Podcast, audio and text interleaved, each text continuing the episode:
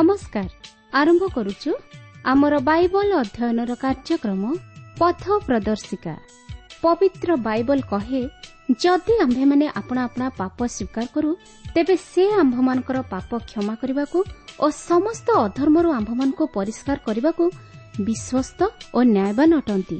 ଆସନ୍ତୁ ସେହି ଉଦ୍ଧାରକର୍ତ୍ତାଙ୍କର ପରିଚୟ ପାଇବା ନିମନ୍ତେ ଶୁଣିବା ବେତାର କାର୍ଯ୍ୟକ୍ରମ ପଥ ପ୍ରଦର୍ଶିକା।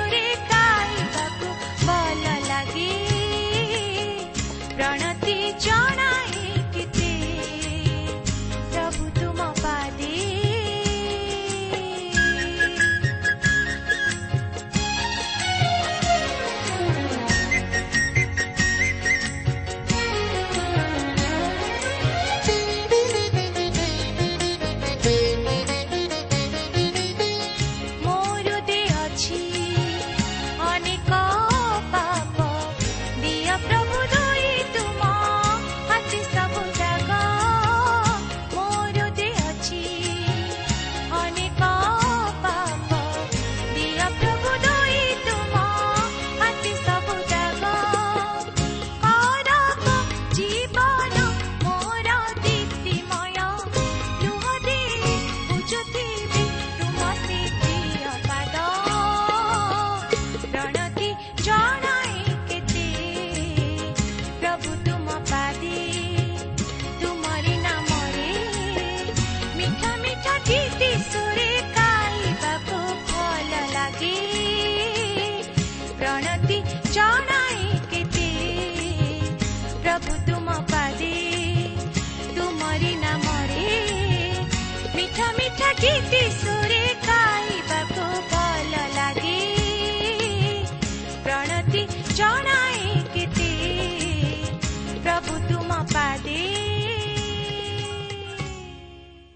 ପ୍ରିୟ ଶ୍ରୋତା ବନ୍ଧୁ ଆଜିର ଏହି ଶୁଭ ଅବସରରେ ଆମମାନଙ୍କର ସୃଷ୍ଟିକର୍ତ୍ତା ତଥା ଉଦ୍ଧାରକର୍ତ୍ତା ପ୍ରଭୁ ଶ୍ରୀଖ୍ରୀଷ୍ଟଙ୍କ ବହୁମୂଲ୍ୟ ନାମରେ ଶୁଭେଚ୍ଛା ଜଣାଏ ଆଜିର ଏହି ପଥ ପ୍ରଦର୍ଶିକା କାର୍ଯ୍ୟକ୍ରମକୁ ଆପଣଙ୍କୁ ସ୍ୱାଗତ ଜଣାଏ। ଆପଣଙ୍କର ସହଯୋଗ ତଥା ମତାମତ ନିମନ୍ତେ ଓ ସାକ୍ଷ୍ୟ ନିମନ୍ତେ ବିଶେଷ ଧନ୍ୟବାଦ। ପ୍ରଭୁ ଯୀଶୁଙ୍କ ବିଷୟରେ ଅଧିକ ଜାଣିବା ନିମନ୍ତେ ଆପଣଙ୍କର ଆଗ୍ରହକୁ ଦେଖି ଆମେ ବିଶେଷ ଖୁସି। ଆପଣଙ୍କର ଆତ୍ମିକ ଜୀବନର ଅଭିବୃଦ୍ଧି ନିମନ୍ତେ ଆମେ ପ୍ରାର୍ଥନା କରୁଅଛୁ। ଆଉ ସେ ପ୍ରଭୁ ଯୀଶୁ ନିଶ୍ଚିତ ଭାବରେ ଆପଣଙ୍କର ମନସ୍କାମନା ପୂର୍ଣ୍ଣ କରିବେ। ଆସନ୍ତୁ ପ୍ରଭୁଙ୍କର ବାକ୍ୟ ମଧ୍ୟକୁ ଯିବା ପୂର୍ବରୁ ସଂକ୍ଷେପରେ ପ୍ରାର୍ଥନା କରିବା। ପ୍ରିୟ ପବିତ୍ର ପ୍ରଭୁ ତୁମର ପବିତ୍ର ନାମର ଧନ୍ୟବାଦ କରୁଅଛୁ ଏହି ସୁନ୍ଦର ସମୟ ପାଇଁ ଏହି ସହଭାଗିତା ପାଇଁ। ପ୍ରଭୁ ତୁମର ବାକ୍ୟ ମଧ୍ୟ ଦେଇ ତୁମେ ଆମମାନଙ୍କ ସହିତ ଆଳାପ କର। ପ୍ରଭୁ ତୁମର ବାକ୍ୟ ମଧ୍ୟ ଦେଇ ତୁମେ ଆମମାନଙ୍କୁ ଶିକ୍ଷା ଦିଅ। ସେ ବାକ୍ୟକୁ ସରଳ ବିଶ୍ୱାସରେ ଗ୍ରହଣ କରି ତଦନୁଯାୟୀ ଜୀବନଯାପନ କରିବା ନିମନ୍ତେ ଆମମାନଙ୍କୁ ଶକ୍ତି ଦିଅ। ଆମମାନଙ୍କର ସମସ୍ତ ପାପ ଦୋଷ ଅଯୋଗ୍ୟତା ତୁମେ ଦୟାକରି ମାର୍ଜନା କର। ପ୍ରତ୍ୟେକ ଶ୍ରୋତାବନ୍ଧୁମାନଙ୍କୁ ତୁମେ ଆଶୀର୍ବାଦ କରି ପ୍ରତ୍ୟେକଙ୍କୁ ତୁମର ସେହି ପରିତାଣର ଆନନ୍ଦକୁ ଉପଲବ୍ଧି କରିବା ପାଇଁ ଦିଅ। ଏହି ସମସ୍ତ ପ୍ରାର୍ଥନା ପ୍ରିୟ ପ୍ରଭୁ ଯୀଶୁଙ୍କ ନାମରେ ମାଗୁଅଛୁ।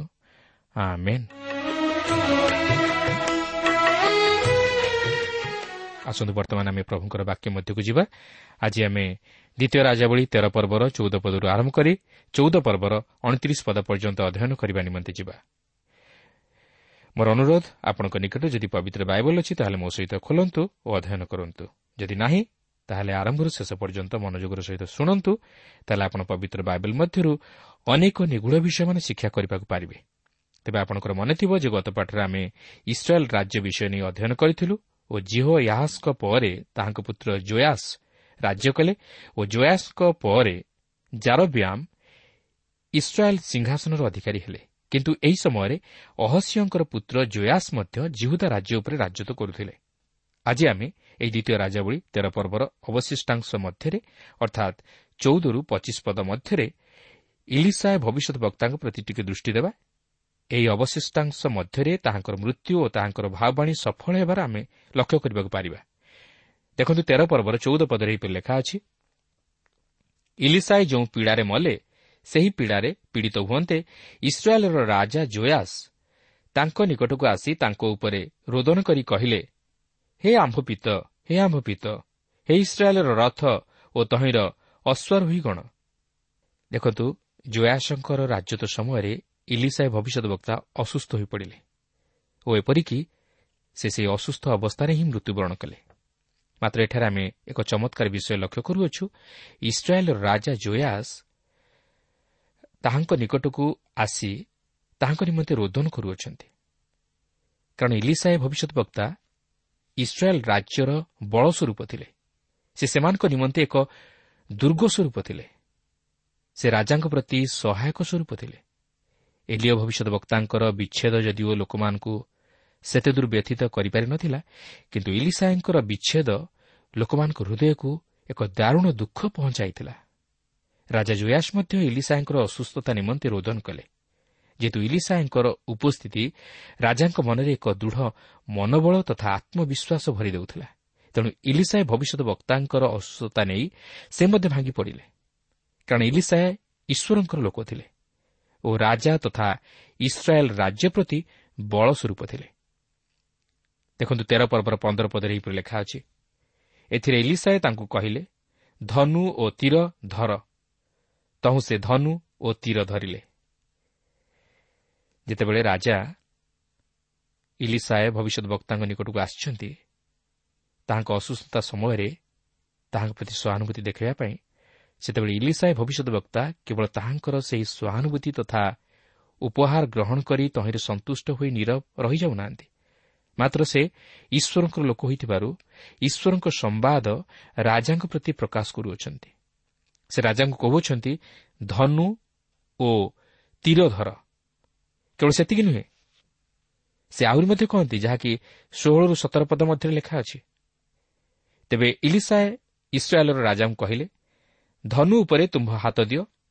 ତହୁଁ ସେ ତହିଁ ଉପରେ ହାତ ଦେଲେ। ସେତେବେଳେ ଇଲିସାଏ ରାଜାଙ୍କ ହସ୍ତ ଉପରେ ଆପଣ ହସ୍ତ ରଖିଲେ। ଆଉ ସେ କହିଲେ ପୂର୍ବ ଆଡ଼ ଝରକା ଫିଟାଅ। ତହରେ ସେ ତାହା ଫିଟାଇଲେ। ତେବେ ଇଲିସାଏ କହିଲେ ତୀର ମାର। ତହରେ ସେ ତୀର ମାରିଲେ। ଏଥିରେ ଇଲିସାଏ କହିଲେ ସଦାପ୍ରଭୁଙ୍କର ଜୟ ତୀର ଅରାମର ବିପକ୍ଷ ଜୟ ତୀର। କାରଣ ତୁମ୍ଭେ ଅଫେକରେ ଅରାମ୍ୟମାନଙ୍କୁ ନିଶେଷ କରିବା ପର୍ଯ୍ୟନ୍ତ ସେମାନଙ୍କୁ ସଂହାର କରିବ। ଏହା ଥିଲା ଇଲିସାଏ ଭବିଷ୍ୟତ ବକ୍ତାଙ୍କର ଭାବାଣୀ। ଜୟାସ ଯେପରି ତାହା ଜାଣିବାକୁ ପାରନ୍ତି ଏଥିନିମନ୍ତେ ସେ ତାହା ଜୟାସଙ୍କୁ ଜଣାଇଦେଲେ। କାରଣ ଜୟାସ ଯଦିଓ ଇଲିସାଏ ଭାବାନୀଙ୍କ ସଂସ୍ପର୍ଶରେ ଆସିଥିଲେ ମାତ୍ର ସେ ବିଶ୍ୱାସରେ ଦୁର୍ବଳ ଥିଲେ। ଈଶ୍ୱର ଯେ ତାହାଙ୍କୁ ଅରାମୀୟମାନଙ୍କ ଉପରେ ଜୟ ପ୍ରଦାନ କରାଇବେ ଏହା ସେ ବିଶ୍ୱାସ କରୁନଥିଲେ। ମାତ୍ର ଈଶ୍ୱର ଇଲିସାଏ ଭବିଷ୍ୟତ ବକ୍ତାଙ୍କ ମୁଖ ଦ୍ୱାରା ଜୟାସଙ୍କୁ ଜଣାଇ ଦିଅନ୍ତି କିନ୍ତୁ ତଥାପି ଜୟାସ ବିଶ୍ୱାସ କରିପାରୁନାହାନ୍ତି। ଅଠର ଉଣେଇଶ ପଦରେ ଲେଖା ଅଛି ଆହୁରି ସେ କହିଲେ ତୀର ସବୁ ନିଅ ତହିଁରେ ସେ ତାହା ସବୁ ନେଲେ। ତେଣୁ ସେ ଇସ୍ରାଏଲ୍ର ରାଜାଙ୍କୁ କହିଲେ ଭୂମିକୁ ଆଘାତ କର ତହିଁରେ ସେ ତିନିଥର ଆଘାତ କରି ନିବୃତ୍ତ ହେଲେ। ଏଥିରେ ପରମେଶ୍ୱରଙ୍କ ଲୋକ ତାଙ୍କ ପ୍ରତି କ୍ରୁଦ୍ଧ ହୋଇ କହିଲେ ତୁମେ ତ ପାଞ୍ଚ କି ଛଅ ଥର ଆଘାତ କରିଥାନ୍ତ। ତାହା କରିଥିଲେ ତୁମ୍ଭେ ଅରାମକୁ ନିଶେଷ କରିବା ପର୍ଯ୍ୟନ୍ତ ଆଘାତ କରିଥାନ୍ତ। ମାତ୍ର ଏବେ ତୁମ୍ଭେ କେବଳ ତିନିଥର ଅରାମକୁ ଆଘାତ କରିବ। ଜୟାସ ଏପରି କରିବାର କାରଣ ହେଉଛି ତାହାଙ୍କର ଈଶ୍ୱରଙ୍କ ଉପରେ ସେତେ ଦୂର ବିଶ୍ୱାସ ନଥିଲା ଯେ ଈଶ୍ୱର ତାହାଙ୍କୁ ଅରାମୀୟମାନଙ୍କ ଉପରେ ଜୟ ପ୍ରଦାନ କରାଇବେ। ତେଣୁକରି ସେ ହତୋତ୍ସାହ ହୋଇପଡ଼ିଥିଲେ ଯଦ୍ୱାରା ସେ ତିନିଥର ଭୂମିକୁ ଆଘାତ କରି ନିବୃତ୍ତ ହେଲେ। ଏହା ହିଁ ଥିଲା ଜୟାସଙ୍କର ଦୁର୍ବଳତା। ଆଜି ମଧ୍ୟ ଏହିପରି ଅନେକ ପ୍ରଭୁଙ୍କର ସେବକମାନେ ଅଛନ୍ତି ଯେଉଁମାନେ କି କୌଣସି ପ୍ରକାର ପ୍ରତିବନ୍ଧକ ବା ନିରୁତ୍ସାହଜନକ ପରିସ୍ଥିତିର ସମ୍ମୁଖୀନ ହୋଇ ଈଶ୍ୱରଙ୍କ କାର୍ଯ୍ୟରେ ଆଗେଇ ପାରନ୍ତି ନାହିଁ। ସେମାନେ ଭାବନ୍ତି ଏଥିରେ ଈଶ୍ୱରଙ୍କ ଇଚ୍ଛା ନାହିଁ।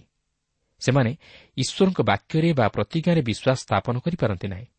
ତେଣୁକରି କୌଣସି ପ୍ରକାର ଅପ୍ରୀତିକର ପରିସ୍ଥିତିର ସମ୍ମୁଖୀନ ହୋଇ ସେମାନେ ହତାଶ ହୋଇପଡ଼ନ୍ତି ବା ନିଜର ମନୋବଳ ହରାଇ ବସନ୍ତି। କିନ୍ତୁ ଈଶ୍ୱରଙ୍କ ଉପରେ ବିଶ୍ୱାସରେ ସ୍ଥିର ରହିପାରନ୍ତି ନାହିଁ ଯାହାକି ଜୟାସଙ୍କ ଜୀବନରେ ଘଟିଲା।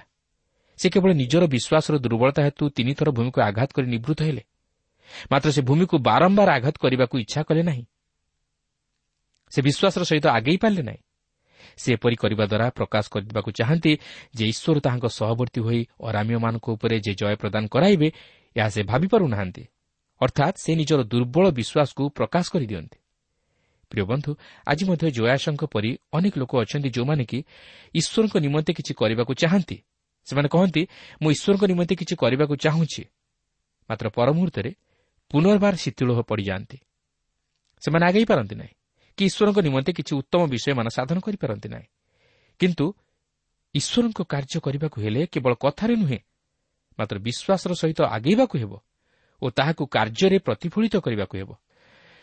ଏଠାରେ ଆହୁରି ଏକ ବିଷୟ ଲକ୍ଷ୍ୟ କରିବେ ଜୟାସ ସେହି ଭୂମିକୁ ତିନିଥର ଆଘାତ କରି ତହିଁରୁ ନିବୃତ୍ତ ହେବାରୁ ସେ କେବଳ ତିନିଥର ପର୍ଯ୍ୟନ୍ତ ଅରାମକୁ ଆଘାତ କରିବା ନିମନ୍ତେ ସୁଯୋଗ ପାଇଲେ। ମାତ୍ର ସେ ଯଦି ପାଞ୍ଚ କି ଛଅ ଥର ସେହି ଭୂମିକୁ ଆଘାତ କରିଥାନ୍ତେ ତାହେଲେ ସେ ଅରାମକୁ ନିଶେଷ କରିବା ପର୍ଯ୍ୟନ୍ତ ଆଘାତ କରିଥାନ୍ତେ। ମାତ୍ର ତାହାଙ୍କର ଦୁର୍ବଳ ବିଶ୍ୱାସ ହେତୁ ସେ ସେମାନଙ୍କୁ ଅର୍ଥାତ୍ ଅରାମୀୟମାନଙ୍କୁ ନିଶେଷ କରିବା ପର୍ଯ୍ୟନ୍ତ ଆଘାତ କରିବା ନିମନ୍ତେ ସମର୍ଥ ହୋଇପାରିଲେ ନାହିଁ। ଏହାପରେ ତେର ପର୍ବର କୋଡ଼ିଏରୁ ଏକୋଇଶ ପଦ ମଧ୍ୟରେ ଏହିପରି ଲେଖା ଅଛି ଅନନ୍ତର ଇଲିସାୟ ମରନ୍ତେ ଲୋକମାନେ ତାଙ୍କୁ କବର ଦେଲେ। ସେତେବେଳେ ମୟାବିୟ ଲୁଟକାରୀ ଦଳ ବର୍ଷର ଆରମ୍ଭରେ ଦେଶ ଆକ୍ରମଣ କଲେ। ସେ ସମୟରେ ଲୋକମାନେ ଜଣେ ମନୁଷ୍ୟକୁ କବର ଦେବାବେଳେ ଏପରି ଘଟିଲା ଯେ ଦେଖ ସେମାନେ ଏକ ଲୁଟକାରୀ ଦଳକୁ ଦୂରରୁ ଦେଖିଲେ। ତହିଁରେ ସେମାନେ ସେହି ମନୁଷ୍ୟକୁ ଇଲିସାଏଙ୍କର କବରରେ ପକାଇ ଦିଅନ୍ତେ। ସେ ମନୁଷ୍ୟ ଇଲିସାଏଙ୍କର ଅସ୍ଥି ସ୍ପର୍ଶ କରିବା ମାତ୍ରେ ସଜୀବ ହୋଇ ଆପଣା ଚରଣରେ ଠିଆ ହେଲା। ଏଠାରେ ଇଲିସାଏଙ୍କ ସମାଧି ମଧ୍ୟରେ ଏକ ଆଶ୍ଚର୍ଯ୍ୟ ରକମର ଘଟଣା ଘଟିବାର ଆମେ ଲକ୍ଷ୍ୟ କରୁଅଛୁ। ଏପରିକି ମୃତ୍ୟୁରେ ମଧ୍ୟ ଇଲିସାଏ ଭବିଷ୍ୟତ ବକ୍ତା ଜଣେ ଆଶ୍ଚର୍ଯ୍ୟ କର୍ମକାରୀ ବ୍ୟକ୍ତି ଥିଲେ। ସେ ମରିଯାଇଥିଲେ ସତ। ମାତ୍ର ସେହି ମର ଶରୀର ମଧ୍ୟରେ ମଧ୍ୟ ଏକ ଅଲୌକିକ ଶକ୍ତି କାର୍ଯ୍ୟ ସାଧନ କରୁଥିଲା ବାସ୍ତବରେ ଇସ୍ରାଏଲ୍ ଜାତି ପ୍ରତି ସେ କେତେ ଦୂର ବଳସ୍ୱରୂପ ନଥିଲେ ଇଲିସାଙ୍କ ଅସ୍ଥିରେ ମଧ୍ୟ ଈଶ୍ୱରଙ୍କ ଅଲୌକିକ ଶକ୍ତି କାର୍ଯ୍ୟ କରୁଥିଲା ଯଦ୍ୱାରା ସେହି ମୃତ ଲୋକଟିକୁ ଇଲିସାଏଙ୍କର କବରରେ ପକାଇ ଦିଅନ୍ତେ ସେ ମନୁଷ୍ୟ ଇଲିସାଏଙ୍କର ଅସ୍ଥି ସ୍ପର୍ଶ କରିବା ମାତ୍ରେ ସଜୀବ ହୋଇ ଆପଣା ଚରଣରେ ଠିଆ ହେଲା ଏଥିରୁ ଆପଣ ଅନୁମାନ କରିପାରୁଥିବେ ଯେ ଇଲିସାଏଙ୍କ ମଧ୍ୟରେ ଈଶ୍ୱରଙ୍କର ଶକ୍ତି କେତେ ଦୂର କାର୍ଯ୍ୟ ସାଧନ କରୁଥିଲା କାରଣ ସେ ଈଶ୍ୱରଙ୍କ ଲୋକ ଥିଲେ। ଏହାପରେ ତେର ପର୍ବର ବାଇଶ ଓ ତେଇଶ ପଦରେ ଆମେ ଦେଖୁ ଯେ ଯଦିଓ ଈଶ୍ୱର ହସାଏଲ୍ର ବାକ୍ୟ ଦ୍ୱାରା ଇସ୍ରାଏଲ୍କୁ ଶାସ୍ତି ଭୋଗ କରାଇଲେ ଓ ଅରାମର ରାଜା ହସାଏଲ୍ ଇସ୍ରାଏଲ୍ ପ୍ରତି ଉପଦ୍ରବ କଲା ମାତ୍ର ଈଶ୍ୱର ସେହି ଶାସ୍ତି ଦୀର୍ଘଦିନ ଧରି ଅଧିକରୁ ଅଧିକ ବଢ଼ିବା ପର୍ଯ୍ୟନ୍ତ ଇସ୍ରାଏଲ୍କୁ ଛାଡ଼ିଦେଲେ ନାହିଁ ମାତ୍ର ଇସ୍ରାଏଲ୍ ପ୍ରତି ତାହାଙ୍କର ପ୍ରତିଜ୍ଞା ଅନୁଯାୟୀ ସେ ସେମାନଙ୍କ ପ୍ରତି ଦୟାଦୃଷ୍ଟି କଲେ ଓ ସେମାନଙ୍କୁ ଅରାମୀୟମାନଙ୍କ ହସ୍ତରୁ ଉଦ୍ଧାର କଲେ। ମାତ୍ର ସେମାନଙ୍କୁ ଆପଣା ଛାମୁରୁ ଦୂର କଲେ ନାହିଁ। ଏହାପରେ ତେର ପର୍ବର ଚବିଶରୁ ପଚିଶ ପଦ ମଧ୍ୟରେ ଆମେ ଦେଖୁ ଯେ ଇଲିସାଏ ଭବିଷ୍ୟତ ବକ୍ତାଙ୍କର ଭାବଣୀ ସଫଳ ହୋଇଅଛି। ଇଲିସାଏ ଭବିଷ୍ୟତ ବକ୍ତା ଜୋୟାସଙ୍କୁ ଯେପରି କହିଥିଲେ ଯେ ତୁମ୍ଭେ ତିନିଥର ଅରାମୀୟମାନଙ୍କୁ ଆଘାତ କରିବ ସେହି ବାକ୍ୟ ଅନୁଯାୟୀ ଜୟାସ ଅରାମୀୟମାନଙ୍କୁ ତିନିଥର ଆଘାତ କରି ଇସ୍ରାଏଲ୍ର ସେହି ସକଳ ନଗର ପୁନର୍ବାର ନେଲେ ଏହାର ଅର୍ଥ ହେଉଛି ଜୟାସଙ୍କର ବିଶ୍ୱାସ ଅନୁଯାୟୀ ତାହାଙ୍କ ପ୍ରତି ମଧ୍ୟ ସେହିପରି ଘଟିଲା। ସେ ତିନିଥର ଭୂମିକୁ ଆଘାତ କରିଥିବାରୁ ତିନିଥର ଅରାମୀୟମାନଙ୍କୁ ଆଘାତ କରି ଇସ୍ରାଏଲ୍ର ସେହି ସକଳ ନଗର ପୁନର୍ବାର ଅଧିକାର କଲେ। କିନ୍ତୁ ସେ ଯଦି ପାଞ୍ଚ କି ଛଅ ଥର ଭୂମିକୁ ଆଘାତ କରିଥାନ୍ତେ ତାହେଲେ ସେ ଅରାମକୁ ନିଶେଷ କରିବା ପର୍ଯ୍ୟନ୍ତ ଆଘାତ କରିଥାନ୍ତେ। ଠିକ୍ ସେହିପରି ଆମମାନଙ୍କ ଜୀବନ ପ୍ରତି ମଧ୍ୟ ଘଟେ। ଆମମାନଙ୍କର ବିଶ୍ୱାସ ଅନୁଯାୟୀ ମଧ୍ୟ ଆମମାନଙ୍କ ପ୍ରତି ଘଟେ। ଈଶ୍ୱର ତାଙ୍କର ବାକ୍ୟ ମଧ୍ୟ ଦେଇ ଆମମାନଙ୍କ ନିକଟରେ ପ୍ରତିଜ୍ଞା କରିଅଛନ୍ତି। ଓ ସେ ମଧ୍ୟ ପ୍ରତିଜ୍ଞାରେ ବିଶ୍ୱସ୍ତ। ମନୁଷ୍ୟ ନିଜର ପ୍ରତିଜ୍ଞାରେ ଅବିଶ୍ୱସ୍ତତା କରିପାରେ। ମାତ୍ର ଈଶ୍ୱର ଅବିଶ୍ୱସ୍ତ ନୁହନ୍ତି। ସେ ସବୁକିଛି ତାହାଙ୍କ ବାକ୍ୟ ମଧ୍ୟ ଦେଇ ଆମମାନଙ୍କ ନିକଟରେ ପ୍ରକାଶ କରିଦେଇଛନ୍ତି। କିନ୍ତୁ ଆମମାନଙ୍କୁ ସେହି ବାକ୍ୟରେ ବିଶ୍ୱାସ କରିବାକୁ ହେବ ଓ ବିଶ୍ୱାସର ସହିତ ଆଗେଇବାକୁ ହେବ। ତାହେଲେ ଆମେ ଆମ ଜୀବନରେ ସଫଳତା ଲାଭ କରିପାରିବା ଓ ଈଶ୍ୱରଙ୍କ ମହତ ଅଭିମତ ଆମମାନଙ୍କ ଜୀବନରେ ସଫଳ ହୋଇପାରିବ। ଈଶ୍ୱର ଆମମାନଙ୍କ ପରି ସାଧାରଣ ମନୁଷ୍ୟମାନଙ୍କ ଦ୍ୱାରା ତାହାଙ୍କର ଅସାଧାରଣ କାର୍ଯ୍ୟମାନ ସାଧନ କରିବେ। ତେଣୁ ବିଶ୍ୱାସ ହେଉଛି ମୂଳ ବିଷୟ। ବିଶ୍ୱାସ ବିନା ତାହାଙ୍କର ସନ୍ତୋଷ ପାତ୍ର ହେବା ଅସମ୍ଭବ। ହଁ ଆପଣ କହିପାରନ୍ତି ଯେ କେବଳ ପ୍ରଭୁ ଯୀଶୁଙ୍କ ନିକଟରେ ବିଶ୍ୱାସ କଲେ ଆମେ ଉଦ୍ଧାର ପାଇବା ଆଉ କ'ଣ କେହି ନାହାନ୍ତି? କିନ୍ତୁ ମୁଁ ଏଠାରେ ଦୃଢ଼ ରୂପେ କହିପାରେ ଯେ ପ୍ରଭୁ ଯୀଶୁଙ୍କ ବିନା ଆଉ କାହାଠାରେ ପରିତାଣ ନାହିଁ। କାରଣ ସେ ହେଉଛନ୍ତି କେବଳ ମାତ୍ର ଜଣେ ଯିଏକି ପାପିର ଉଦ୍ଧାର ନିମନ୍ତେ ପ୍ରାଣ ଦେଇ ପ୍ରାୟଶ୍ଚିତ ସାଧନ କରିଛନ୍ତି ଓ ମୃତ୍ୟୁକୁ ଜୟ କରି ତୃତୀୟ ଦିନରେ ଉଠି ଧାର୍ମିକତା ସାଧନ କରିଅଛନ୍ତି ଓ ସେ ଆଜି ମଧ୍ୟ ଜୀବିତ ଓ ଉଦ୍ଧାର କରିବା ନିମନ୍ତେ ପ୍ରସ୍ତୁତ ଅଛନ୍ତି। ମାତ୍ର ଆମେ ତାହାଙ୍କର ନିକଟବର୍ତ୍ତୀ ହେବା ଆବଶ୍ୟକ। ବର୍ତ୍ତମାନ ଆମେ ଏହି ଦ୍ୱିତୀୟ ରାଜାବଳୀ ପୁସ୍ତକର ଚଉଦ ପର୍ବ ମଧ୍ୟକୁ ଯିବା। ଏହି ଚଉଦ ପର୍ବଠାରୁ ଆରମ୍ଭ କରି ଷୋହଳ ପର୍ବ ମଧ୍ୟରେ ପୁନର୍ବାର ଇସ୍ରାଏଲ୍ ଓ ଜିହୁଦାର ରାଜାମାନଙ୍କ ବିଷୟ ନେଇ ଲକ୍ଷ୍ୟ କରିବାକୁ ଯିବା।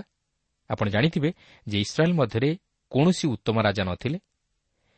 ସେମାନେ ସମସ୍ତେ ଦୁଷ୍ଟ ରାଜା ଥିଲେ। କିନ୍ତୁ ଜିହୁଦା ମଧ୍ୟରେ କେତେକ ଉତ୍ତମ ରାଜା ଥିଲେ ଓ କେତେକ ଦୁଷ୍ଟ ରାଜା ମଧ୍ୟ ଥିଲେ। ଓ ତଦନୁଯାୟୀ ସେମାନେ ଈଶ୍ୱରଙ୍କ ଆଶୀର୍ବାଦ ତଥା ଅନୁଗ୍ରହର ଅଧିକାରୀ ହେଲେ। ବର୍ତ୍ତମାନ ଆମେ ଦେଖିବାକୁ ଯିବା ଯେ ଜିହୁଦା ରାଜ୍ୟ ଉପରେ ଜୟାସଙ୍କ ପୁତ୍ର ଅମତ୍ସିଂର ରାଜତ୍ୱ। ଏହି ଅମତ୍ସିଂହ ଜଣେ ଉତ୍ତମ ରାଜା ଥିଲେ ଓ ସେ ଜିହୁଦା ଉପରେ ଅଣତିରିଶ ବର୍ଷ ରାଜତ୍ୱ କଲେ।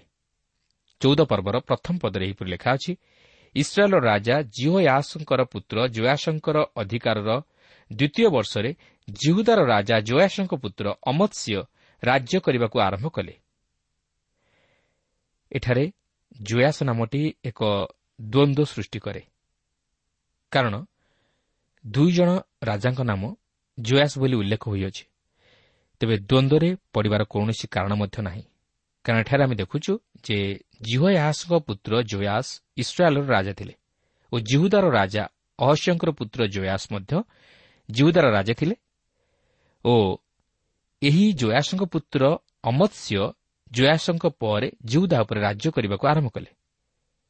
ଚଉଦ ପର୍ବର ଦୁଇ ପଦରେ ଲେଖା ଅଛି ସେ ରାଜ୍ୟ କରିବାକୁ ଆରମ୍ଭ କରିବା ସମୟରେ ପଚିଶ ବର୍ଷ ବୟସ୍କ ଥିଲେ ଓ ସେ ଜିରୁସାଲାମରେ ଅଣତିରିଶ ବର୍ଷ ରାଜ୍ୟ କଲେ। ତାଙ୍କ ମାତାଙ୍କର ନାମ ଜିହୋ ସେ ଜିରୁସାଲାମ ନିବାସିନୀ ଥିଲେ। ଏଠାରେ ଆମେ ଅମତ୍ସିଂଙ୍କର ମାତାଙ୍କର ପରିଚୟ ପାଉଅଛୁ ଆଉ ତାଙ୍କର ନାମ ଥିଲା ଜିହୋ ୟଦନ୍ କାରଣ ସନ୍ତାନମାନଙ୍କ ନିମନ୍ତେ ସେମାନଙ୍କର ମା'ମାନେ ହେଉଛନ୍ତି ଉତ୍ତରଦାୟୀ। ଏହି ରାଜାମାନଙ୍କର ମା'ମାନଙ୍କ ନାମ ସ୍ଥାନ ପାଇଅଛି ଯେହେତୁ ସେମାନଙ୍କର ସନ୍ତାନମାନେ ଉତ୍ତମ ରାଜା ରୂପେ ପରିଗଣିତ ହେଲେ ସେମାନେ ଗୌରବପ୍ରାପ୍ତ ହେବେ ମାତ୍ର ସେମାନଙ୍କର ସନ୍ତାନମାନେ ଦୁଷ୍ଟ ରାଜା ରୂପେ ଗଣିତ ହେଲେ ସେମାନେ ତହିଁର ବଦନାମ ବହନ କରିବେ। କାରଣ ସନ୍ତାନମାନଙ୍କୁ ଉପଯୁକ୍ତ ଭାବେ ଗଢ଼ି ତୋଳିବାରେ ମା'ମାନଙ୍କ ଭୂମିକା ଯଥେଷ୍ଟ ଗୁରୁତ୍ୱପୂର୍ଣ୍ଣ। ମା'ମାନେ ଯଦି ସନ୍ତାନମାନଙ୍କ ପ୍ରତି ଦୃଷ୍ଟି ନ ଦିଅନ୍ତି ତାହେଲେ ସେମାନେ ବିପଥରେ ଗମନ କରିବେ ଓ ଶେଷରେ ମା'ମାନେ ତହିଁର ଅପମାନ ତଥା ନିନ୍ଦା ବହନ କରିବେ। ତେବେ ଏଠାରେ ଆମେ ଦେଖୁଛୁ ଯେ ଅମତ୍ସ୍ୟ ଜଣେ ଉତ୍ତମ ରାଜା ଥିଲେ। ତେଣୁ ଏଥିରୁ ଅନୁମାନ କରାଯାଇପାରେ ଯେ ଅମତ୍ସ୍ୟର ମାତା ମଧ୍ୟ ଜଣେ ଉତ୍ତମ ମାତା ଥିଲେ ଯେ କି ଅମତ୍ସ୍ୟଙ୍କୁ ଉପଯୁକ୍ତ ଶିକ୍ଷା ଓ ଉପଦେଶ ଦେଇ ବଢ଼ାଇଥିଲେ ଯାହାର ଫଳସ୍ୱରୂପେ ଅମତ୍ସ୍ୟ ଜିହୁଦାର ଜଣେ ଉତ୍ତମ ରାଜା ରୂପେ ଖ୍ୟାତି ଅର୍ଜନ କରିପାରିଥିଲେ। ଚଉଦ ପର୍ବର ତିନି ପଦରେ ଆମେ ଦେଖୁ ଯେ ଅମତ୍ସ୍ୟ ଜିହୁଦାର ସିଂହାସନରେ ବସି ରାଜ୍ୟ କରିବାକୁ ଆରମ୍ଭ କଲେ ଓ ଆମେ ଦେଖୁ ଯେ ସେ ସଦାପ୍ରଭୁଙ୍କ ଦୃଷ୍ଟିରେ ଯଥାର୍ଥ କର୍ମ କଲେ। ଯଦିଓ ସେ ଦାଉଦଙ୍କ ପରି ନ ଥିଲେ ମାତ୍ର ସେ ଈଶ୍ୱରଙ୍କ ଦୃଷ୍ଟିରେ ଯଥାର୍ଥ କର୍ମ କରିଥିଲେ। କିନ୍ତୁ ସେ ଆପଣାର ପିତା ଜୟାସଙ୍କର କୃତ ସମସ୍ତ କର୍ମାନୁସାରେ କର୍ମ କଲେ। ତେବେ ଏଥିପୂର୍ବରୁ ମଧ୍ୟ ଆମେ ଅଧ୍ୟୟନ କରି ଦେଖିସାରିଛୁ ଯେ ଜୟାସ ଯଦିଓ ଈଶ୍ୱରଙ୍କ ଦୃଷ୍ଟିରେ ଯଥାର୍ଥ କର୍ମ କରିଥିଲେ ମାତ୍ର ସେ ତାହାଙ୍କ ରାଜ୍ୟରୁ ପ୍ରତିମା ପୂଜାକୁ ସମ୍ପୂର୍ଣ୍ଣ ଦୂରେଇ ଦେଇ ନ ଥିଲେ ତାହାଙ୍କ ସମୟରେ ମଧ୍ୟ ଉଚ୍ଚସ୍ଥଳୀ ସକଳ ଦୂରୀକୃତ ନୋହିଲା ଓ ଲୋକମାନେ ସେ ସମୟରେ ହିଁ ଉଚ୍ଚସ୍ଥଳୀ ମାନରେ ବଳିଦାନ କଲେ ଓ ଧୂପ ଜଳାଇଲେ। ତେଣୁ ଅମତ୍ସ୍ୟ ଯେତେବେଳେ ଜୟାସଙ୍କର କୃତ ସମସ୍ତ କର୍ମାନୁସାରେ କର୍ମ କଲେ ଏହାର ଅର୍ଥ ସେ ପ୍ରତିମା ପୂଜାକୁ ମଧ୍ୟ ପ୍ରଶ୍ରୟ ଦେଲେ। ଚଉଦ ପର୍ବର ଚାରିପଦରେ ଆମେ ଦେଖୁ ଲେଖା ଅଛି ତଥାପି ଉଚ୍ଚସ୍ଥଳୀ ମାନ ଦୂରୀକୃତ ହେଲା ନାହିଁ। ଲୋକମାନେ ସେ ସମୟରେ ହିଁ ଉଚ୍ଚସ୍ଥଳୀ ମାନରେ ବଳିଦାନ କଲେ ଓ ଧୂପ ଜଳାଇଲେ। ଏହା ହିଁ ଥିଲା ପ୍ରତିମା ପୂଜାର କାରଣ। ଅମତ୍ସ୍ୟ ଦେଶ ମଧ୍ୟରୁ ପ୍ରତିମା ପୂଜାକୁ ଦୂର କଲେ ନାହିଁ କିନ୍ତୁ ପ୍ରତିମା ପୂଜା ପ୍ରଚଳନ କରାଇଲେ ଯାହାକି ଈଶ୍ୱରଙ୍କର ବିରୁଦ୍ଧାଚରଣ କାର୍ଯ୍ୟ ଥିଲା। ସେ ଯଦିଓ ଈଶ୍ୱରଙ୍କ ଦୃଷ୍ଟିରେ ଯଥାର୍ଥ କର୍ମ କରିଥିଲେ କିନ୍ତୁ ପ୍ରତିମା ପୂଜାକୁ ପ୍ରଶ୍ରୟ ଦେବା ଦ୍ୱାରା ଠିକ୍ କରିନଥିଲେ। ଏହାପରେ ଚଉଦ ପର୍ବର ପାଞ୍ଚ ପଦରୁ ସାତ ପଦ ମଧ୍ୟରେ ଆମେ ଦେଖୁ ଯେ ଅମତ୍ସ୍ୟ ସିଂହାସନର ଅଧିକାରୀ ହେବା ପରେ ତାଙ୍କ ପିତାଙ୍କର ହତ୍ୟାକାରୀ ଦାସମାନଙ୍କୁ ବଧ କଲେ। କିନ୍ତୁ ସେ ଈଶ୍ୱରଙ୍କ ଆଜ୍ଞାକୁ ରକ୍ଷା କରିବାକୁ ଯାଇ ସେହି ହତ୍ୟାକାରୀମାନଙ୍କର ସନ୍ତାନଗଣକୁ ବଧ କଲେ ନାହିଁ। କାରଣ ମୂଷାଙ୍କର ବ୍ୟବସ୍ଥା ପୁସ୍ତକରେ ସଦାପ୍ରଭୁଙ୍କର ଏହି ଆଜ୍ଞା ଲିଖିତ ଆକାରରେ ସ୍ଥାନ ପାଇଥିଲା ଯଥା ସନ୍ତାନମାନଙ୍କ ପାଇଁ ପିତୃଗଣର ପ୍ରାଣଦଣ୍ଡ ହେବ ନାହିଁ କିମ୍ବା ପିତୃଗଣ ପାଇଁ ସନ୍ତାନମାନଙ୍କର ପ୍ରାଣଦଣ୍ଡ ହେବ ନାହିଁ। କିନ୍ତୁ ପ୍ରତ୍ୟେକ ଲୋକ ନିଜ ପାପ ଲାଗି ମୃତ୍ୟୁଭୋଗ କରିବ। ଏହି କାରଣରୁ ସେ ତାହାଙ୍କ ପିତାଙ୍କର ହତ୍ୟାକାରୀମାନଙ୍କର ସନ୍ତାନଗଣକୁ ହତ୍ୟା କଲେ ନାହିଁ। ଏହାପରେ ସେ ଲବଣ ଉପତ୍ୟକାରେ ଇଦୋମର ଦଶ ସହସ୍ର ଲୋକଙ୍କୁ ବଧ କଲେ ଓ ଯୁଦ୍ଧରେ ସେଲା ନଗର ହସ୍ତଗତ କରି ତହିର ନାମ ଜକ୍ତେଲ ରଖିଲେ। ଏହାପରେ ଚଉଦ ପର୍ବର ଆଠ ପଦରୁ ଷୋହଳ ପଦ ମଧ୍ୟରେ ଆମେ ଲକ୍ଷ୍ୟ କରିବାକୁ ପାରିବା ଯେ ଅମତ୍ସ୍ୟ ଇସ୍ରାଏଲ୍ର ରାଜା ଜୟାସଙ୍କ ବିରୁଦ୍ଧରେ ଯୁଦ୍ଧ କରିବାକୁ ଉଠିଲେ ଓ ଅମତ୍ସ୍ୟ ମଧ୍ୟ ଯୁଦ୍ଧରେ ପରାସ୍ତ ହେଲେ। ଜୟାସ ଜିରୁସାଲାମକୁ ମଧ୍ୟ ଅଧିକାର କରିନେଲେ ଓ ଏହାପରେ ଜୟାସ ସମରିଆକୁ ଫେରିଗଲେ। କିନ୍ତୁ ଏହି ଜୟାସଙ୍କର ମୃତ୍ୟୁ ଉତ୍ତାରେ ଜିହୁଦାର ରାଜା ଜୟାସଙ୍କର ପୁତ୍ର ଅମତ୍ସ୍ୟ ଆହୁରି ପନ୍ଦର ବର୍ଷ ବଞ୍ଚିଲେ। କିନ୍ତୁ ଏହି ସମୟରେ ସେହି ଦୁଇ ରାଜ୍ୟ ମଧ୍ୟରେ ଅର୍ଥାତ୍ ଇସ୍ରାଏଲ୍ ଓ ଜିହୁଦା ରାଜ୍ୟ ମଧ୍ୟରେ ଗୃହଯୁଦ୍ଧ ବାରମ୍ବାର ଘଟିଲା। ଚଉଦ ପର୍ବର ଉଣେଇଶରୁ ବାଇଶ ପଦ ମଧ୍ୟରେ ଆମେ ଦେଖୁ ଯେ ଅମତ୍ସ୍ୟ ତାହାଙ୍କ ବିରୁଦ୍ଧରେ ଷଡ଼ଯନ୍ତ୍ରକାରୀମାନଙ୍କ ହସ୍ତରୁ ରକ୍ଷା ପାଇବା ପାଇଁ ଲାଖିସ୍କୁ ପଳାଇଲେ। ମାତ୍ର ସେମାନେ ତାହାଙ୍କର ପିଛା କରି ତାହାଙ୍କୁ ଲାଖିସ୍ରେ ବଧ କଲେ ଓ ଏହାପରେ ତାହାଙ୍କର ଶବକୁ ଆଣି ଜିରୁସାଲାମରେ ଆପଣା ପିତୃଗଣ ସହିତ ଦାଉଦ ନଗରରେ ତାହାଙ୍କୁ କବର ଦେଲେ। ମାତ୍ର ତାହାଙ୍କ ପଦରେ ତାହାଙ୍କର ଷୋହଳ ବର୍ଷର ପୁତ୍ର ଅସରିୟଙ୍କୁ ରାଜା କଲେ। ଏହି ଅସରିୟ ଏଲତ୍ ନଗର ଦୃଢ଼ କରି ତାହା ପୁନର୍ବାର ଜିହୁଦାର ଅଧୀନକୁ ଆଣିଲେ। ତେବେ ବର୍ତ୍ତମାନ ଆମେ ଇସ୍ରାଏଲ୍ ରାଜ୍ୟ ଉପରେ ଟିକେ ଦୃଷ୍ଟି ଦେବା। ଯେଉଁ ସମୟରେ ଜିହୁଦାର ରାଜା ଜୟାସଙ୍କର ପୁତ୍ର ଅମତ୍ସ୍ୟ ଜିହୁଦା ଉପରେ ରାଜା ହୋଇଥିଲେ ସେହି ଅମତ୍ସ୍ୟଙ୍କ ଅଧିକାରର ପନ୍ଦର ବର୍ଷରେ ଇସ୍ରାଏଲ୍ର ରାଜା ଜୟାସଙ୍କର ପୁତ୍ର ଜାରବ୍ୟାମ୍ ସମରିଆରେ ରାଜ୍ୟ କରିବାକୁ ଆରମ୍ଭ କଲେ ଅର୍ଥାତ୍ ସେ ଇସ୍ରାଏଲ୍ ଉପରେ ରାଜ୍ୟ କରିବାକୁ ଆରମ୍ଭ କଲେ ଓ ସେ ଏକଚାଳିଶ ବର୍ଷ ରାଜ୍ୟ କଲେ। ଚଉଦ ପର୍ବର ତେଇଶରୁ ପଚିଶ ପଦ ମଧ୍ୟରେ ଆମେ ଦେଖୁଛୁ ଜୟାସଙ୍କର ପୁତ୍ର ଜାରବ୍ୟାମ୍ ଇସ୍ରାଏଲ୍ର ରାଜା ହେଲେ ଓ ସେ ଏକଚାଳିଶ ବର୍ଷ ରାଜ୍ୟ କଲେ ଅର୍ଥାତ୍ ସେ ଅନେକ ବର୍ଷ ଧରି ଇସ୍ରାଏଲ୍ ଉପରେ ରାଜ୍ୟ କଲେ। କିନ୍ତୁ ସେ ନବାଟର ପୁତ୍ର ଜାରବ୍ୟାମ୍ଙ୍କର ପାପ ପଥରେ ଚାଲିଲେ। ସେହି ଜାରବ୍ୟାମ୍ ଯେପରି ପ୍ରତିମା ପୂଜା କରିବା ନିମନ୍ତେ ଇସ୍ରାଏଲୀୟମାନଙ୍କୁ ପ୍ରବର୍ତ୍ତାଇଥିଲେ ଓ ଉଚ୍ଚସ୍ଥଳୀମାନଙ୍କରେ ଗୋବତ୍ସର ପ୍ରତିମା ସ୍ଥାପନ କରି ପ୍ରତିମା ପୂଜାକୁ ପ୍ରଶ୍ରୟ ଦେଲେ ଓ ଇସ୍ରାଏଲ୍କୁ ପାପରେ ପତିତ କରାଇଲେ ଏହି ଜୟାସର ପୁତ୍ର ଜାରବ୍ୟାମ୍ ମଧ୍ୟ ତଦ୍ରୁପ କଲେ। କିନ୍ତୁ ଈଶ୍ୱର ଜୁନସ ଭବିଷ୍ୟତ ବକ୍ତାଙ୍କ ମୁଖ ଦ୍ୱାରା ପୂର୍ବରୁ ଯାହା ପ୍ରକାଶ କରିଥିଲେ ସେହି ବାକ୍ୟ ଅନୁଯାୟୀ ସେ ଏହି ଜାରବ୍ୟାମ୍ଙ୍କ ଦ୍ୱାରା ଆପଣାର କଥିତ ବାକ୍ୟ ସଫଳ କଲେ। ଜାରବ୍ୟାମ୍ ଯଦିଓ ଈଶ୍ୱରଙ୍କ ଦୃଷ୍ଟିରେ କୁକର୍ମ କଲେ ମାତ୍ର ସେ ଇସ୍ରାଏଲ୍ର ସୀମାରେଖାର ଅଞ୍ଚଳଗୁଡ଼ିକୁ ପୁନରୁଦ୍ଧାର କଲେ। ଜୁନସ ଭବିଷ୍ୟତ ବକ୍ତାଙ୍କ ମୁଖ ଦେଇ ଈଶ୍ୱର ଯାହା ପ୍ରକାଶ କରିଥିଲେ ତାହା ଜାରବ୍ୟାମ୍ଙ୍କ ହସ୍ତ ଦ୍ୱାରା ସଫଳ ହେଲା। ତେବେ ଏଠାରେ ଜୁନସ ଭବିଷ୍ୟତ ବକ୍ତାଙ୍କ ସମ୍ପର୍କରେ ଏକ ଐତିହାସିକ ତଥ୍ୟ ମିଳେ ଯେ କି ଜୁନସ ପୁସ୍ତକ ମଧ୍ୟ ଲେଖିଥିଲେ। ଏହି ଘଟଣାରୁ ସ୍ପଷ୍ଟ ଅନୁମିତ ହୁଏ ଯେ ଜୁନସ ବୋଲି ଜଣେ ବ୍ୟକ୍ତି ଥିଲେ ଓ ଇସ୍ରାଏଲ୍ର ଜଣେ ଭାବବାଦୀ ବା ଭବିଷ୍ୟତ ବକ୍ତା ଥିଲେ। ତେବେ ଈଶ୍ୱର ଜାରବିଆମଙ୍କ ହସ୍ତ ଦ୍ୱାରା କାହିଁକି ଏହିପରି କାର୍ଯ୍ୟ ସାଧନ କଲେ ତହିଁର କାରଣ ଆମେ ଏହି ଚଉଦ ପର୍ବର ଛବିଶରୁ ସତେଇଶ ପଦ ମଧ୍ୟରେ ଲକ୍ଷ୍ୟ କରିବାକୁ ପାରୁ। ଏହି ଅଂଶରେ ଆମେ ଦେଖୁ ଯେ ଇସ୍ରାଏଲ୍ ସଦାପ୍ରଭୁଙ୍କର ମନୋନୀତ ବଂଶ ଥିଲେ। ସେ ଯଦିଓ ସେମାନଙ୍କର ଅବାଧ୍ୟତାର ପ୍ରତିଫଳ ସେମାନଙ୍କୁ ଭୋଗ କରିବାକୁ ଦେଲେ ମାତ୍ର ସେ ସେମାନଙ୍କୁ ବିନଷ୍ଟ ହେବାକୁ ଦେଇନଥିଲେ ସେ ସେମାନଙ୍କର ଦୁଃଖକୁ ଦେଖିପାରିଲେ ଓ ସେମାନେ ଯେ ଅସହାୟ ଅବସ୍ଥାରେ ଅଛନ୍ତି ତାହା ମଧ୍ୟ ସେ ଦେଖିବାକୁ ପାରିଲେ। ତେଣୁକରି ସେ ସେମାନଙ୍କୁ ଜାରବିଆମଙ୍କ ହସ୍ତ ଦ୍ୱାରା ଉଦ୍ଧାର କରିବାକୁ ଚାହିଁଲେ ଓ ଉଦ୍ଧାର ମଧ୍ୟ କଲେ। ଯେହେତୁ ସେମାନଙ୍କର ଉପକାର କରିବାକୁ କେହି ନଥିଲା ତାଛଡ଼ା ସଦାପ୍ରଭୁ ଆକାଶମଣ୍ଡଳ ତଳୁ ଇସ୍ରାଏଲ୍ର ନାମ ଲୋପ କରିବାକୁ ଚାହିଁନଥିଲେ। ସେଦିନ ସେ ଯେପରି ଇସ୍ରାଏଲ୍ ପ୍ରତି ତାହାଙ୍କର ପ୍ରତିଜ୍ଞାକୁ ସଫଳ କରିଥିଲେ ଆଜି ମଧ୍ୟ ସେ ଆମମାନଙ୍କ ପ୍ରତି ମଧ୍ୟ ତାହାଙ୍କର ପ୍ରତିଜ୍ଞା ସଫଳ କରିବା ପାଇଁ ଯାଉଅଛନ୍ତି। ଜୋହନ ତିନି ପର୍ବର ଷୋହଳ ପଦରେ ଲେଖା ଅଛି କାରଣ ଈଶ୍ୱର ଜଗତକୁ ଏଡ଼େ ପ୍ରେମ କଲେ ଯେ ସେ ଆପଣାର ଅଦ୍ୱିତୀୟ ପୁତ୍ରଙ୍କୁ ଦାନ କଲେ। ଯେପରି ଯେ କେହି ତାଙ୍କଠାରେ ବିଶ୍ୱାସ କରେ ସେ ବିନଷ୍ଟ ନ ହୋଇ ଅନନ୍ତ ଜୀବନ ପ୍ରାପ୍ତ ହୁଏ। ପ୍ରଭୁ ଯୀଶୁ ମଧ୍ୟ ଏହିପରି ଆହ୍ୱାନ ଦିଅନ୍ତି ହେ ପରିଶ୍ରାନ୍ତ ଭାରଗ୍ରସ୍ତ ଲୋକ ସମସ୍ତେ ମୋ ନିକଟକୁ ଆସ ଆଉ ମୁଁ ତୁମମାନଙ୍କୁ ବିଶ୍ରାମ ଦେବି। ପ୍ରିୟ ବନ୍ଧୁ ଆଜି ମଧ୍ୟ ପ୍ରଭୁଙ୍କର ସେହି ଆହ୍ୱାନ ଆମମାନଙ୍କ ପ୍ରତି। ଏହା କେବଳ ଆହ୍ୱାନ ନୁହେଁ ମାତ୍ର ଏହା ମଧ୍ୟ ଏକ ପ୍ରତିଜ୍ଞାଯୁକ୍ତ ବାକ୍ୟ। ଯଦି ଆମେ ପ୍ରଭୁ ଯୀଶୁଖ୍ରୀଷ୍ଟଙ୍କର ନିକଟବର୍ତ୍ତୀ ହେଉ ତାହେଲେ ଆମେ ଉଦ୍ଧାର ପାଇବା। ନାହିଁ ଯଦି ନିଜର ଅବିଶ୍ୱାସ ଓ ସନ୍ଦେହରେ ପରିଚାଳିତ ହୋଇ ତାହାଙ୍କଠାରୁ ଦୂରବର୍ତ୍ତୀ ଜୀବନଯାପନ କରୁ ତାହେଲେ ଆମେ ଉଦ୍ଧାର ପାଇପାରିବା ନାହିଁ ବରଂ ବିନଷ୍ଟ ହେବା। ତେଣୁ ଆସୁ ସେହି ପ୍ରଭୁ ଯୀଶୁଖ୍ରୀଷ୍ଟଙ୍କଠାରେ ବିଶ୍ୱାସ କରି ଈଶ୍ୱରଙ୍କର ଆଶୀର୍ବାଦ ତଥା ଅନୁଗ୍ରହର ଅଧିକାରୀ ହେଉ। ଏହାପରେ ଚଉଦ ପର୍ବର ଅଠେଇଶ ଓ ଅଣତିରିଶ ପଦରେ ଆମେ ଦେଖୁ ଯେ ଜାରବ୍ୟାମ୍ ମୃତ୍ୟୁଭୋଗ କଲେ ଓ ତାହାଙ୍କ ପରେ ତାହାଙ୍କର ପୁତ୍ର ଜିଖରିୟ ସିଂହାସନ ଅଧିକାରୀ ହେଲେ। ଅର୍ଥାତ୍ ସେ ଇସ୍ରାଏଲ୍ର ରାଜା ହେଲେ। କିନ୍ତୁ ଏସବୁ ସତ୍ତ୍ୱେ ଜାରବ୍ୟାମ୍ କ'ଣ ପାଇଲେ? କିଛି ନୁହେଁ। ସେ କେବଳ ସୁନାମ ପାଇଲେ। ମାତ୍ର ସେ ଈଶ୍ୱରଙ୍କର ମନୋରମତ ବ୍ୟକ୍ତି ନଥିଲେ କି ସେ ଈଶ୍ୱରଙ୍କ ନିମନ୍ତେ କିଛି ଉତ୍ତମ ବିଷୟ ସାଧନ କରିପାରିଲେ ନାହିଁ। ମାତ୍ର ନିଜର କୁକର୍ମରେ ହିଁ ବିନଷ୍ଟ ହେଲେ। ପ୍ରିୟ ବନ୍ଧୁ ପବିତ୍ର ବାଇବଲ କହେ ମନୁଷ୍ୟ ଯେବେ ସମଗ୍ର ଜଗତ ଲାଭ କରି ଆପଣ ଜୀବନ ହରାଏ ତହିଁରେ ତାହାର କି ଲାଭ ହେବ? ପ୍ରିୟ ବନ୍ଧୁ ଆପଣ ଯଦି ସମୁଦାୟ ଜଗତକୁ ଲାଭ କରନ୍ତି ମାତ୍ର ଆପଣଙ୍କର ଜୀବନକୁ ଲାଭ କରିପାରନ୍ତି ନାହିଁ ତାହେଲେ ତହିଁରେ କି ଲାଭ ହେବ? ଆପଣ ଯଦି ନିଜର ସୃଷ୍ଟିକର୍ତ୍ତା ଈଶ୍ୱରଙ୍କୁ ହରାନ୍ତି ତାହେଲେ ତହିଁରେ କି ଲାଭ ହେବ? ଆମେ ସମସ୍ତେ କହୁ ଈଶ୍ୱର ଅଛନ୍ତି ଓ ଈଶ୍ୱର ଏକ। ତାହେଲେ କ'ଣ ଈଶ୍ୱରଙ୍କର ଉଦ୍ଧାରର ଯୋଜନା ପ୍ରତ୍ୟେକ ମନୁଷ୍ୟ ନିମନ୍ତେ ଭିନ୍ନ? ନୁହେଁ। ଆମେ ସମସ୍ତେ ପାପ କରି ଈଶ୍ୱରଙ୍କ ମହିମାରୁ ଉଣା ପଡ଼ିଅଛୁ ଓ ଈଶ୍ୱର ଆମ ପ୍ରତ୍ୟେକଙ୍କ ନିମନ୍ତେ ଏକ ଉଦ୍ଧାରର ପଥ ମଧ୍ୟ ପ୍ରସ୍ତୁତ କରିଅଛନ୍ତି। ତାହା ହେଉଛି ପ୍ରଭୁ ଯୀଶୁ ଖ୍ରୀଷ୍ଟଙ୍କ କୃଷ ଖ୍ରୀଷ୍ଟଙ୍କ ବିନା ଆମେ ପାପରୁ ଉଦ୍ଧାର ପାଇପାରିବା ନାହିଁ। କି ପବିତ୍ର ଈଶ୍ୱରଙ୍କର ନିକଟବର୍ତ୍ତୀ ହୋଇପାରିବା ନାହିଁ। ଆଜି ଆମମାନଙ୍କର ପାପ ଈଶ୍ୱରଙ୍କ ସହଭାଗିତାରୁ ଆମମାନଙ୍କୁ ବଞ୍ଚିତ କରିଅଛି। ଯଦି ଆମେ ନିଜର ପାପରୁ ନ ଫେରୁ ବା ସେହି ପ୍ରଭୁ ଶ୍ରୀଖ୍ରୀଷ୍ଟଙ୍କଠାରେ ନିଜର ପାପ ନିମନ୍ତେ ଅନୁତାପ କରି ତାହା ସ୍ୱୀକାର ନ କରୁ ତାହେଲେ ଆମେ କେବେ ହେଲେ ପବିତ୍ର ଈଶ୍ୱରଙ୍କର ସାନ୍ନିଧ୍ୟ ଲାଭ କରିପାରିବା ନାହିଁ। ଈଶ୍ୱର ପବିତ୍ର। ଓ ସେ କହନ୍ତି ତୁମେମାନେ ମଧ୍ୟ ପବିତ୍ର ହୁଅ। ତେଣୁ ଆସୁ ସେ ଖ୍ରୀଷ୍ଟଙ୍କ ମାଧ୍ୟମରେ ପିତା ଈଶ୍ୱରଙ୍କ ନିକଟରେ ପବିତ୍ର ରୂପେ ଗୃହୀତ ହେବା ନିମନ୍ତେ ପ୍ରୟାସ କରୁ। ପ୍ରଭୁ ପ୍ରତ୍ୟେକଙ୍କୁ ଆଶୀର୍ବାଦ କରନ୍ତୁ।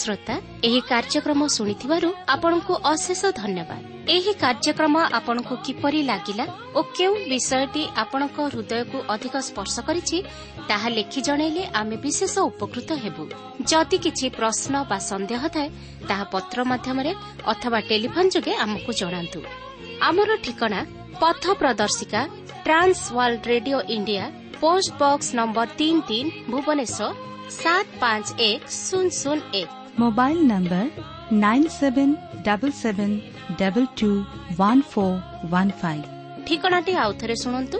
ପଥ ପ୍ରଦର୍ଶିକା trans world radio India post box number three three Bhubaneswar seven five one zero zero one mobile number nine seven double seven double two one four one five ଆମର ଇମେଲ ଆଡ୍ରେସଟି ଲେଖି ରଖନ୍ତୁ। Odia TTV at radio eight eight two dot com ତେବେ ଆଜି ପାଇଁ ଏଠାରେ ରଖୁଛୁ। ନମସ୍କାର।